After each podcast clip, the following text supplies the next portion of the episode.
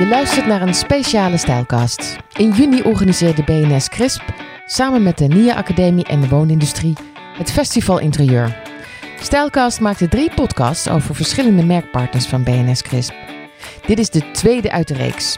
Op een prachtige warme dag waren tal van merken die hun vernieuwde materialen en producten tentoonstelden. Er waren inspirerende sprekers zoals Claire en Roderick Vos en Stefan Scholten. En het de gekke trendlezing van de Zweedse trendwatcher Stefan Nilsson.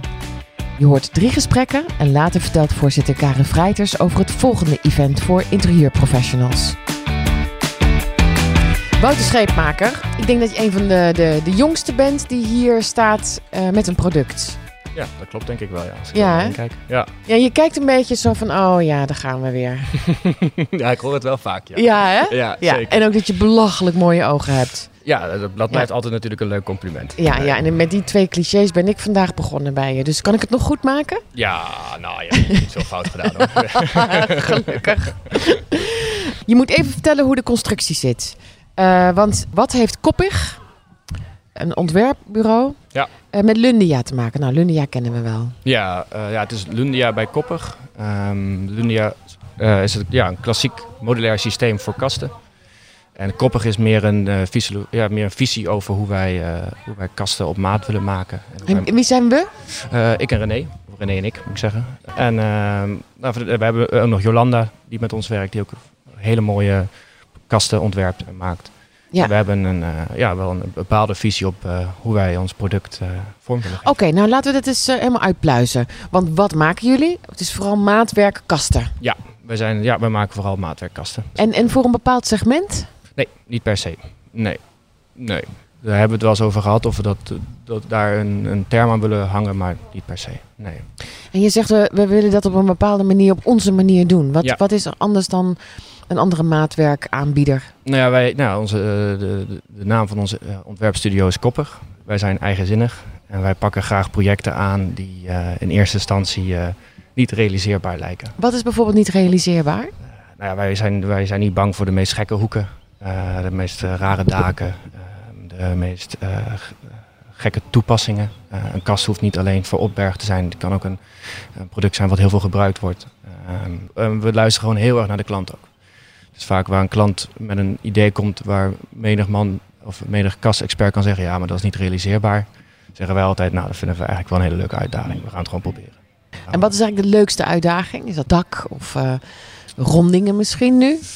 Ehm, ja, de leukste uitdaging is toch wel op het moment dat de klant persoonlijke attributen wilt verwerken in zijn of haar kast. Dus van de meest gekke beelden tot eh, mooiste kunstwerken eh, die belicht moeten worden of uit Ja, moeten ja. schuiven. Het, persoonlijke stukje, dat vinden wij, vind ik zelf het eigenlijk Over wel welke leuk. kast heb je het nu? Want je hebt vast iets in gedachten. Ja, ik- ja, het is grappig. Ik heb er laatst een voor mijn familie gemaakt of ontworpen. En ze hebben een heel oud beeld uit Afrika. Die eh, daarin. In, eh, En wat heb je gemaakt? ja, ik heb nis? het- ja, het was een nis. En ik heb daar een. eh, ik heb hem heel, heel, mooi, heel mooi op een heel mooi voetstuk gezet. Met verlichting en veel glas. En hij kwam echt naar voren. Ja. Oh, wat leuk. ja, dat vind ik het En, leukst. en, en- en zijn particuliere projecten jullie, Ja. jullie favoriet? Ja. Niet voor retail, niet voor... eh, Jawel, dat doen we ook. Ook met regelmaat. Wat is je leukste klant?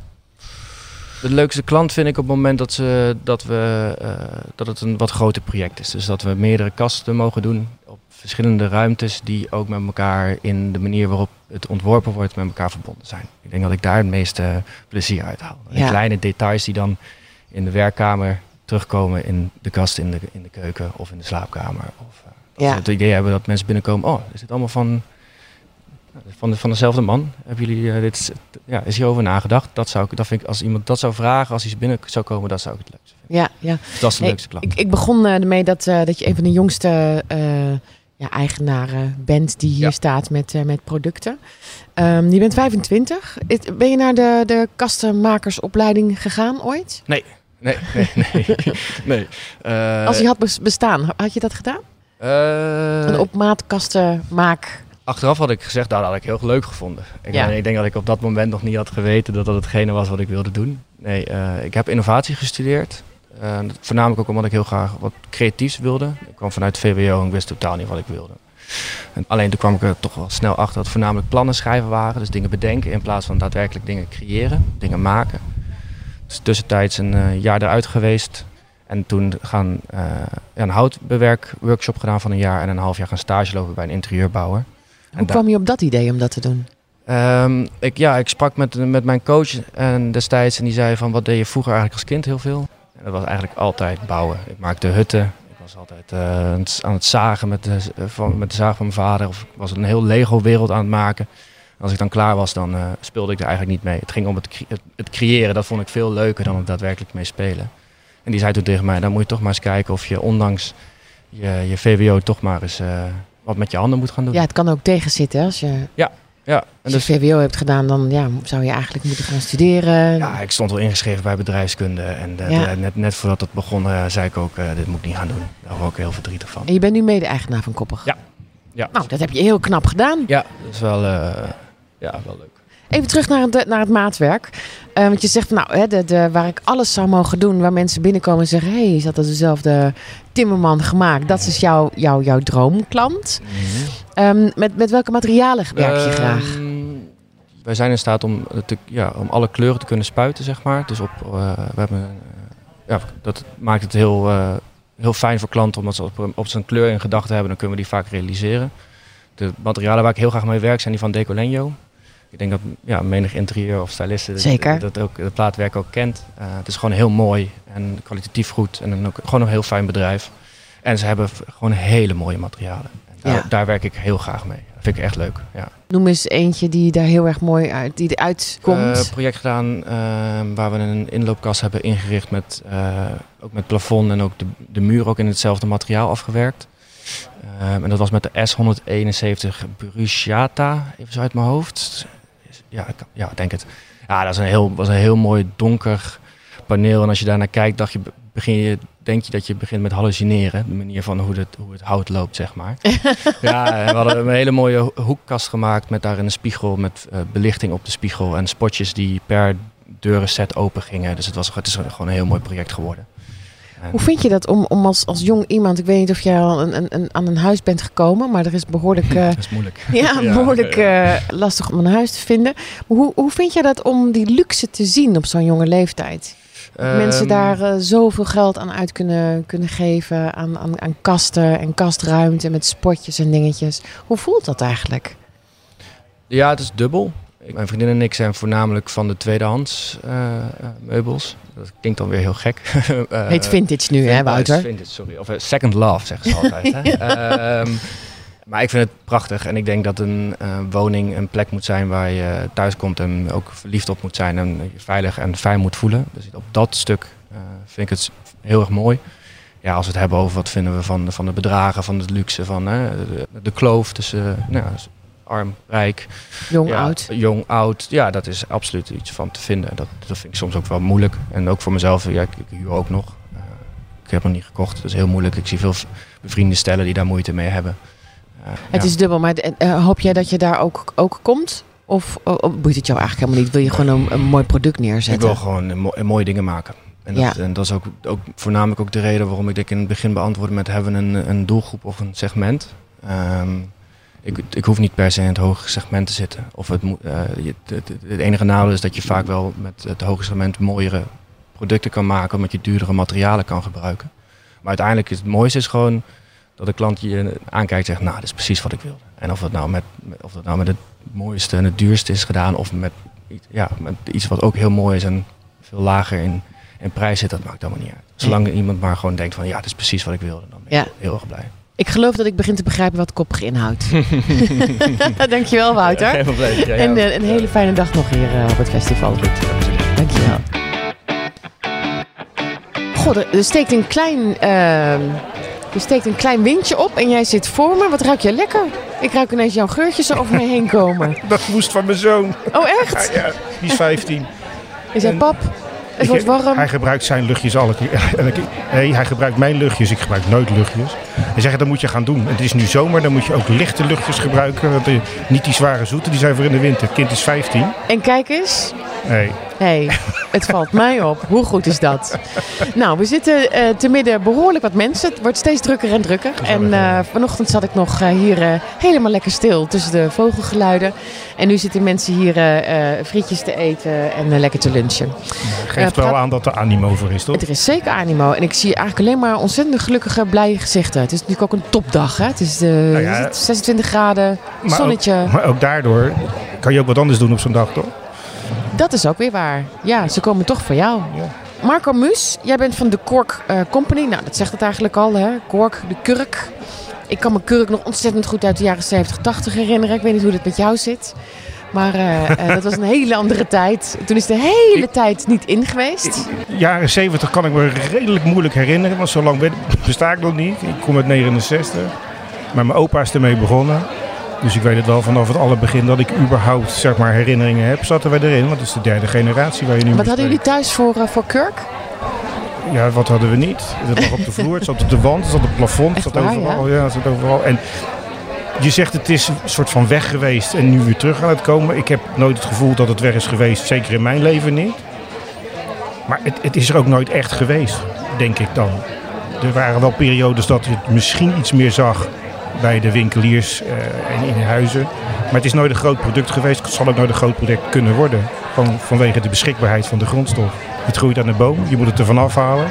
Dan groeit het wel weer terug, dat duurt negen jaar. Dan houdt het er weer vanaf, moet je weer wachten negen jaar. Dan houdt het er weer vanaf. Dus het is een soort van oneindige grondstofbron. Maar wel ieder jaar gelimiteerd dat wat van die bomen afkomt.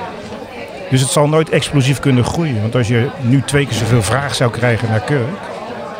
Dan moet je dus een bos neer gaan zetten. Ja. Dan moet je 25 jaar wachten voordat je voor de eerste keer de kurk vanaf kan halen. Ja, En met die eerste pellenkar nog niet zoveel. Nee. Dus vanaf de derde pellenkar er wat mee. maar hoe kan het dan zijn dat het helemaal niet zo heel erg duur is? Omdat de vraag wat minder is. Of dat het gelijk loopt, de vraag en aanbod. Vind ik wel een moeilijke vraag. Ik krijg natuurlijk als leverancier elke keer op mijn dak dat het zo duur is. Kijk, houten vloeren zijn nog wel steeds duurder. Eh, maar laminaat is een stuk goedkoper. Vinyl zitten we een beetje tegenaan te, te boksen. Waarom is het nou niet super duur? Ik denk omdat wij vloeren maken van de restanten van de wijnindustrie. Zo zou je het moeten zien. Dus de schors die niet gebruikt wordt voor het hoofddoel, want dat is toch waar het land Portugal op leeft, dus de kurkjesindustrie. Dat wordt als een soort restmateriaal gebruikt om daar vloeren en wanden en isolatie van te maken. Wat is jouw favoriete product wat jullie maken? Ik ben erin gerold, ingegroeid. Ik bedoel, Nou, jij weet niet beter eigenlijk. Precies. Ja, En alles ja wat ik daarom weet is ook twijfelde ik ook een beetje bij deze vraag. Ik dacht, ja, ja, wat moet je daar nou op antwoorden eigenlijk als je daar al zo lang in zit? Op het moment dat iets van kurk is gemaakt, vind ik het gaaf. Zo makkelijk is het eigenlijk. In de praktijk, bij mij zijn het dan het meeste vloeren die we doen. Ehm, en dan vind ik het eigenlijk het leukste, als je van wat vind ik het leukst om te verkopen, vloeren waar mensen zelf over na hebben gedacht. Dus dat we even niet de massa verkopen, maar gewoon iets van ik wil hem in het roze. Die kan je nergens vinden. Er is geen roze laminaat, er is geen roze vinyl, er is geen roze niks. Dan laat je gewoon een kurkvloer roze verven en dan krijg jij jouw roze kurkvloer. Dat vind ik eigenlijk leuk. Dat zijn vaak vloeren die vind ik hartstikke lelijk. Die zou je zelf niet in je huis willen. Nee, want er is maar één iemand in Nederland of in Duitsland of waar we het ook naar verkopen, België, buitenlanden, zelfs naar Amerika. Ik denk van, man, dat wil je op je vloer hebben. Maar die mensen hebben dat gekozen. En juist omdat het nergens anders te vinden is, zijn ze bij Kurk terechtgekomen. En Is daar kunnen cool? ze Ja. ja, hun eigen ideeën kwijt. Met zeven verschillende kleuren door elkaar heen, met grote tegels, kleine tegels. Ja, dan heb je je eigen keuze gemaakt. En die vind ik veel belangrijker dan dat je achter de massa aanloopt. En dus allemaal maar wit laminaat gaat kopen. Omdat iemand gezegd heeft dat aankomend jaar wit de hippe kleur is. Het is wel grappig, want eh, je, begon deze, eh, dit gesprek al met... eh, ja, ik weet niet beter dan dat er kurk was bij ons thuis. Ja. En dat ehm, het eigenlijk een vrij eigenzinnig materiaal is. Het is niet altijd en, en in overvloed voorhanden. Nee. Dus ik vind het ook wel grappig dat in die lijn jij ook zegt... nou, als iemand hem roze wil spuiten of verf, vind ik dat juist heel erg leuk. Hè, dat, dat, dat eigenzinnige hoort eigenlijk heel erg bij kurk. Ja, misschien hoort het wel een beetje bij mij. Ja, Maar jij wou wilde niet beledigend niet zijn. nee. Ja, nee, maar ik, ik vind dat een hele grote mensenmassa, zeg maar, als een kudde achter elkaar gras eh, eet. Eh, en ik denk dat mensen heel goed in staat zijn hun eigen keuzes te maken. Dus als je ze dan op een juiste manier informeert over wat wel en niet, en niet. En dan nou ja, bij wijze van spreken eerst leeg schudt met hun vooroordelen. Van ja, dat kan je wel voor vinden, maar wat vind je van links of wat vind je van rechts? En dan zeggen ze, ik wil eigenlijk rechtdoor. Prima, dan is dat de route die je neemt. Ja. En vervolgens ga je ze vullen met allemaal weetjes of, of, of eh, feiten. En, en dan nog mag het met mij niet eens zijn, is op feit. Je, ja, ja, maar ik vind dat juist niet. Dat prima, mag. dan heb je er zelf over nagedacht. En dan kom je tot een eindproduct, in dit geval een kurkvloer, weet ik veel. Waar je als consument zelf achter staat. In plaats van dat dat opgelegd is door een enorme producent die ergens in eh, Colombia zijn, zijn interieurdesigner heeft zitten. En die heeft bepaald dat die drie kleuren blauw voor volgend jaar de trend moeten gaan worden. Wat Ja. dan ook per kilometer gemaakt wordt. En dat iedereen, ja, met alle respect, bij de barmarkt of bij de grote winkel eh, met dezelfde pakken blauwe laminaten deur uitlopen. Dat kan en daar zit een massa en daar zal het, het grote geld zitten. Maar ik praat liever met mensen die een eigen mening hebben. Ik ken jouw vrouw absoluut niet. Maar ik heb toch echt het gevoel dat jouw zoon met zijn luchtjes heel erg op jou lijkt. Nou, ik vond het wel aardig dat hij daar ineens bij kwam. En Ja. zo niet zo heel lang geleden ook trouwens. Ontzettend leuk. Dankjewel. Ik vond het heel leuk dat je even aan tafel eh, aanschoof. Graag gedaan. Eh, je hoorde Marco Muis van de Cork Company. Dank Dankjewel. voor de tijd. Aan tafel aangeschoven Ronald Sloter van Ultima. Het bed dat bij je past. Eh, Ronald, van mij wordt er wel eens gezegd: doe jij niet te veel? Doe jij niet te veel verschillende dingen? En daarom zeg ik ook maar niet wat ik allemaal doe, omdat het eh, soms mensen duizelt. Omdat ik het ook heel leuk vind om duizend verschillende dingen te doen. Ja, ik herken dat wel een beetje. eh, veel dingen doen. Ik ben zelf ook best wel redelijk veelzijdig. Wat doe je allemaal dan? Ik verkoop bedden. Bedden en kussens en matrassen aan winkeliers. En daarbuiten ben ik als privépersoon Ronald ook heel actief in eh, dansen. Wat voor dans? Eh, op dit moment doe ik eh Lindy Hop, zeg maar een soort swing rock roll dans. Dus jij gooit die vrouwen hoppatee met die petticoats omhoog. Ja, niet Echt? alleen met petticoat, ook zonder Oké. petticoat. Nee, maar dus heel veel swingdansen. Wat leuk. En daar heb ik ook al bijna twintig jaar dansles gegeven. Het is ook te zien, want je hebt echt een, een rechte rug. Je zit recht. Je ziet het, ja, dat zie je altijd als mensen dansen. Ja, wordt wel eens Ja. vaak eh vroeg. Ik heb het net nog staan vertellen tegen iemand dat ze altijd dachten van nou, Ronald is een beetje arrogant. Omdat oh, ik eh, echt? Recht. Nee, Ronald, je bent helemaal niet arrogant. Nee, ik ben nee, redelijk nee. toegankelijk. Redelijk toegang. Nou, laten we eens kijken de komende 15 minuten of dat zo is. Ja.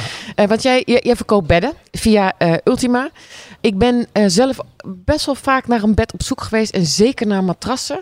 Want ik heb een een B&B. En ik vind het lastig, omdat er natuurlijk van iedereen op slaapt. Ja. Dik, dun, lang, kort. verzin het maar. En dan, dan is het best lastig om daar een, een, een, ja, een goed matras voor iedereen voor te vinden. Eh, en, en het bed vind ik ook best pittig.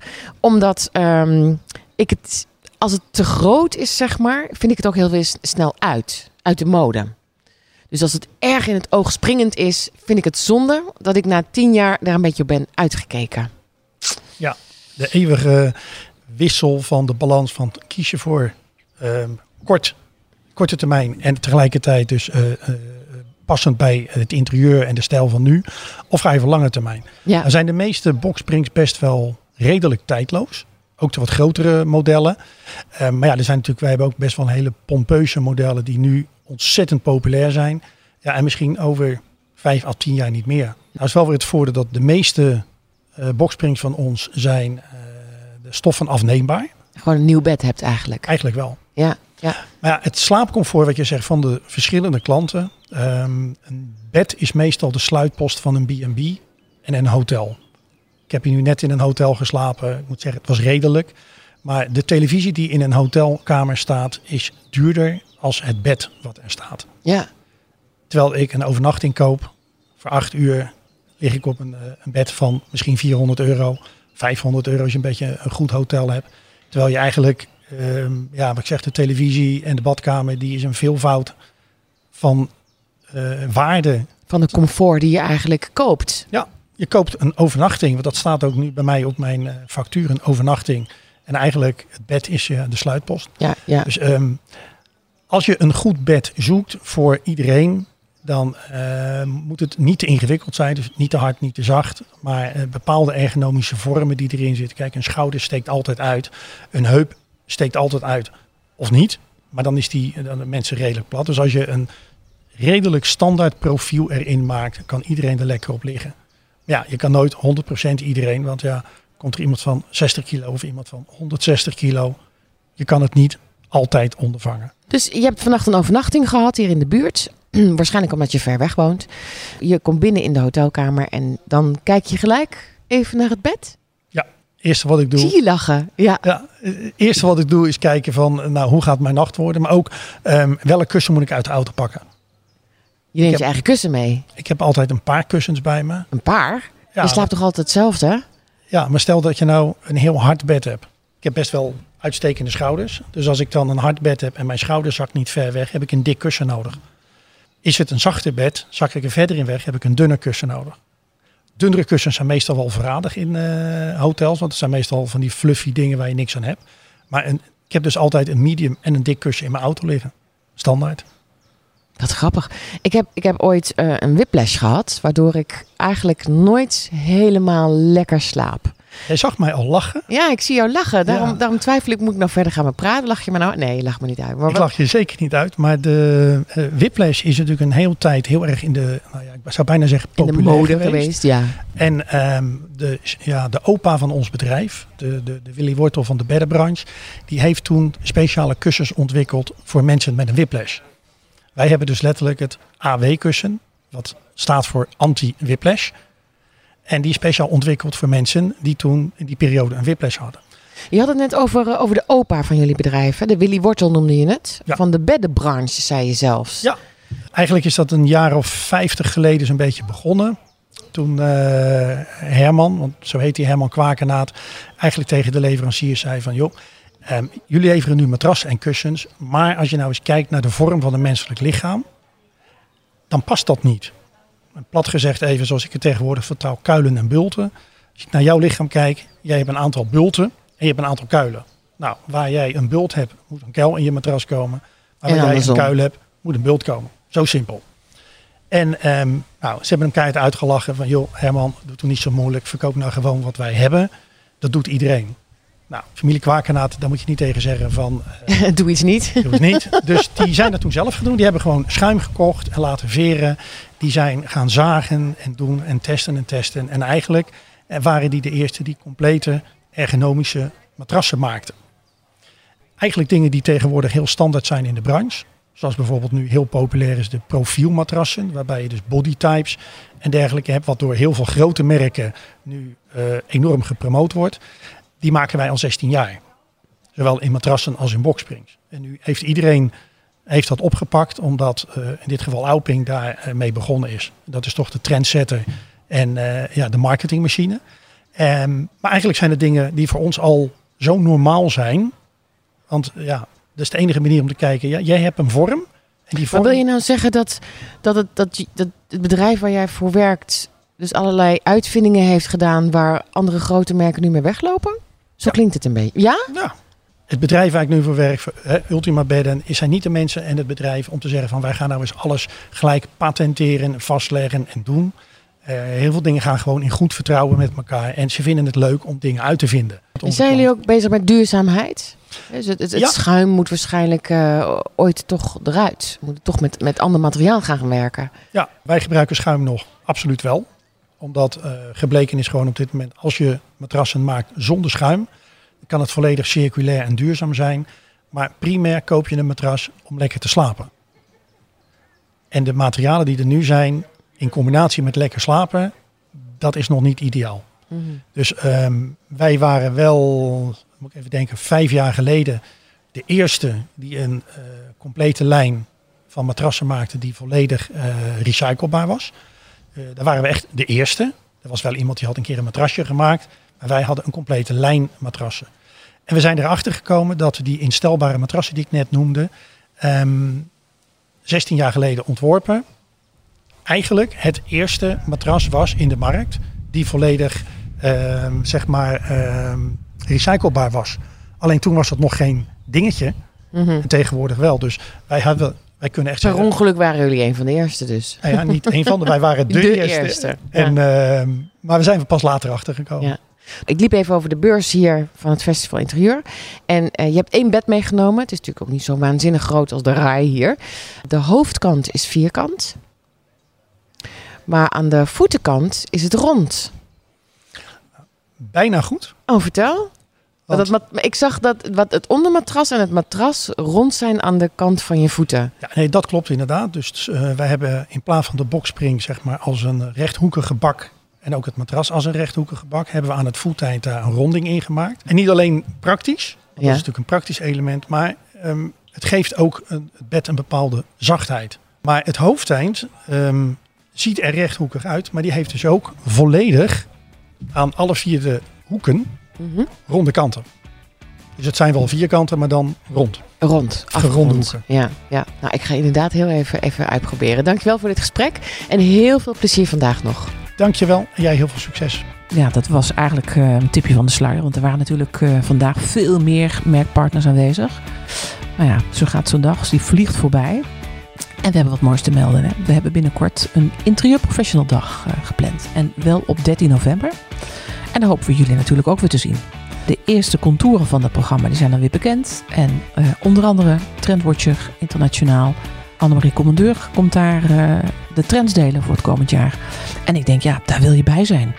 Want eh, trends, nou ja, daar gaat denk ik de gemiddelde interieurontwerper gaat erop aan. En wij ook, bij BNS Crisp.